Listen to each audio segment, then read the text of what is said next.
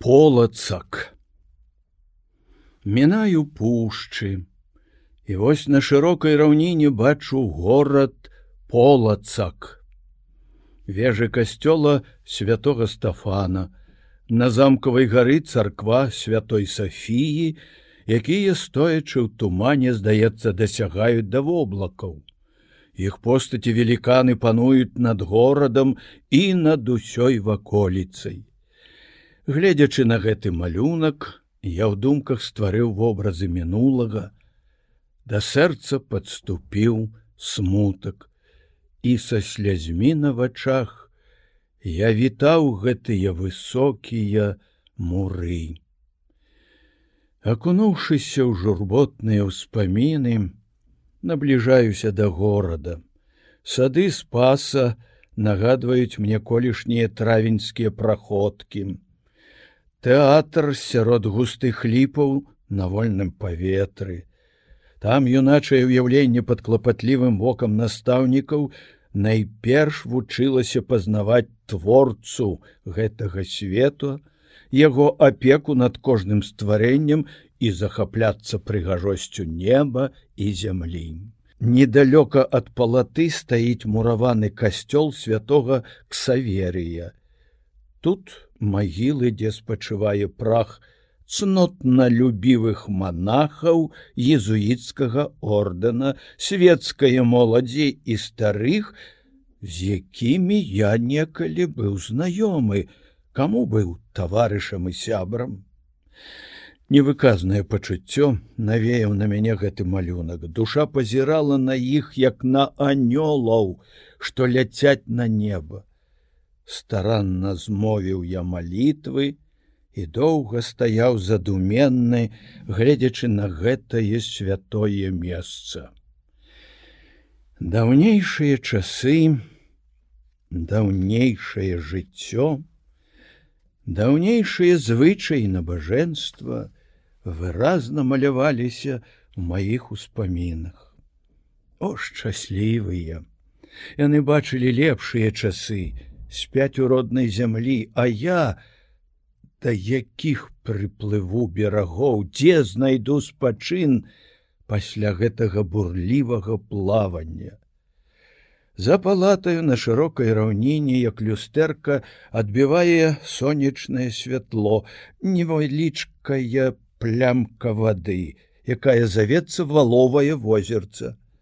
Кажуць, што калісьці, Яна была ў самім горадзе і да хрышчэння стаялі ля гэтай азярынны святыні перуна і бабы ягі. Але цяпер не засталося аніякіх слядоў ад тае старажытнасці. Сярод люду дасюль яшчэ паўтараецца страфа пра тую бабу ягу. Баба яга касцяная нага на ступе едзець таўкачом паганяець, мятлой сляды замятаець. У ваколіцах полацка кожная мясціна у апавяданнях тутэйшых жыхароў мае нейкую гістарычную памятку. На другім беразе двіны за некалькі вёрст адсюль стаіць невялічкі касцёл святого казіміра. Тут апавядаюць, з'явіўся казімір перад войскам сваіх суайчыннікаў і перавёў іх праз імклівую рачную плынь.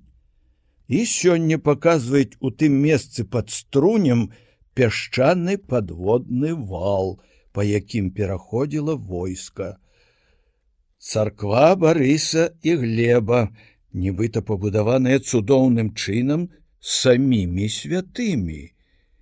Экіманія маёнтак паноў беліковічаў ля самыя дзвіны на стромым беразе прыгожай мясціне. Увесь горад полацк відаць адтуль як бы ў чароўнай панараме а вясною ў паводку ля падножжа гары чуваць музыка і песні са стругаў, што плывуць у рыгу. Шмат таксама старажытных паданняў захоўвае гэтая мясцовасць у народных апавяданнях. Якія перамены сустрэў я ў горадзе пасля 18гадовай адсутнасці. Толькі старажытныя валы, як і раней зелянеліся травою. І дзве ракі, якія тут зліваюцца, плылі ў тых самых берагах. Сям там на асобных вуліцах закураныя мураванкі папялішчы нагадвалі пра пажары, што не раз пусташалі гэты горад. Аддаўшыся думкам, я хадзіў па вуліцах нібыта нікому незнаёмы іншаземец. Прабіў гадзіннік на вежы колісь езуіцкага касцёла, і гэты голас, як прывітанне адданага сябра, крануў маю душу. Ён знаёмы мне з дзяцінства, калісьці адлічваў час навучання і адпачынку, будзіў на світанні да новай працы, але цяпер, здаецца, паўтараў сваім гучаннем: ляціць незваротны час. Голас касцельных званоў таксама крануў маю душу, узнавіў у памяці ўсё мінулае. А Тоня, ты памятаеш той гучны званок, што збіраў нас калісьці на заняткі навукамі светецкімі ды рэлігійнымі і на штодзённую малітву ў святыні Божай. Ён замоўк назаўсёды, адзываецца толькі ў сэрцы ў памяці нашай. Найпрыемнейшы ў жыцці чалавека час вясна маладосці, калі раскрываючы кветку свайго розуму ён дае волю лятункам песціць у сэрцы вялікія надзеі не думаючы пра тое што ёсць на свеце віхуры і страшныя буры якія часта нішчаць усе чалавечыя намеры. Гэтая шчасная пора на мае дзіўную прывабнасць. Доры чалавеку адчуванне нейкіх незвычайных райскіх уцех. І гэта бывае менавіта тады калі вакольныя ад працы юнакі вяртаюцца дамоў разважаюць пра навукі настаўнікаў і таварышаў. Набліжаецца вялік дзень з якім пачуццём з якой вераю выконваюць усе рэлігійныя абавязкі рэкалекцыі, падрыхтоўка да споведзі на вялік дзень, якую асалоду і спакой прыносяць яны душы. У чысты чацвер кожны клас са сваім настаўнікам наведвае астрогі, шпіталі, раздаючы ўсюды па магчымасці грошы і міласціну убогім. Каменны той чалавек, якого гэты прыклад не навучыць любові да бліжняга. У езуіцкіх школах вакацыі звычайна пачыналіся з першага жніўня. Вучняў пасля экзаменаў пераводзілі ў вышэйшыя класы, імёны выдатнікаў друкаваліся ў кніжачках дзеля заахвочвання да далейшых поспехаў у навучанні. У той дзень горад полацак мог быць сталіцаю ўсёй белай русі. Шум і грукат вазоў адзываўся па ўсім горадзе, з'язджаліся абывацелі адны на ўрачыстасці ў дзень святого ігнацыя лаёлы другія каб падзякаваць за клопаты тым хто вучыў і выхоўваў іхніх дзяцей іншыя каб пабыць у тэатры бо вучні полацкай акадэміі звычайна да гэтых дзён рыхтавалі пастаноўку з'язджаліся гандляры з усіх бакоў і найвыгадней збывалі свае тавары. Перад калядамі таксама былі іспыты і спаборніцтвы між вучнямі пачатковых класаў, калі яны на вачах бацькоў апекуноў і настаўнікаў задавалі адзін аднаму пытанні па граматыцы лацінскай мовы, перад імі на стале былі раскладзены ўзнагароды для пераможцаў і гэтае іх спаборніцтва заўсёды пачыналася, такімі памятнымі словамі. Гаспане, з чаго пачнём спаборніцтва? Са знаку святого крыжа, Што ёсць знакам святого крыжа, абарона цела і душы, Дык зробім знак святого крыжа, Дык зробім. Тут усе кленчаць, а пасля малітвы пачынаюцца дыспуты і дэманстрацыя ведаў.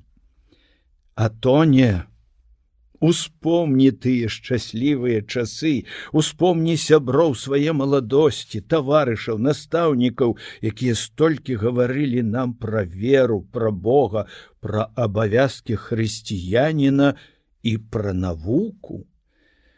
Свет у той час даваўся нам раем, бо ў людзях, што былі побач, мы бачылі толькі зычлівых, шчырых, і адданых сяброў. Цяпер мы прачыталі кнігу пра вандраванне па даліне няшчасцю. Прыйшла восень і паспеў плод горычы. Часта паўтараю сам сабе гэты верш. Я прыгадваю спевам кляшторны званочак сябрукоў маладых, заклікаў у грамады. Калі сэрца не чула ні мораку ночы, ні святла, ані лёсу завілага здрады. Ды, на жаль, час усё ў жыцці перайначыць, знікла шчырая радасць, як сон мой шчаслівы. І кляшторны званочак аціхнуў, а значыць, толькі ў згадках чутно, як гучыць ён тужліва. Я ж па моры нясталага гэтага свету не па скарбы паплыў, што ў нязнаных прасторах не па славу, каб вечна быць ёю сагрэтым, а таму, што ўсе плысці мусяць тым морам.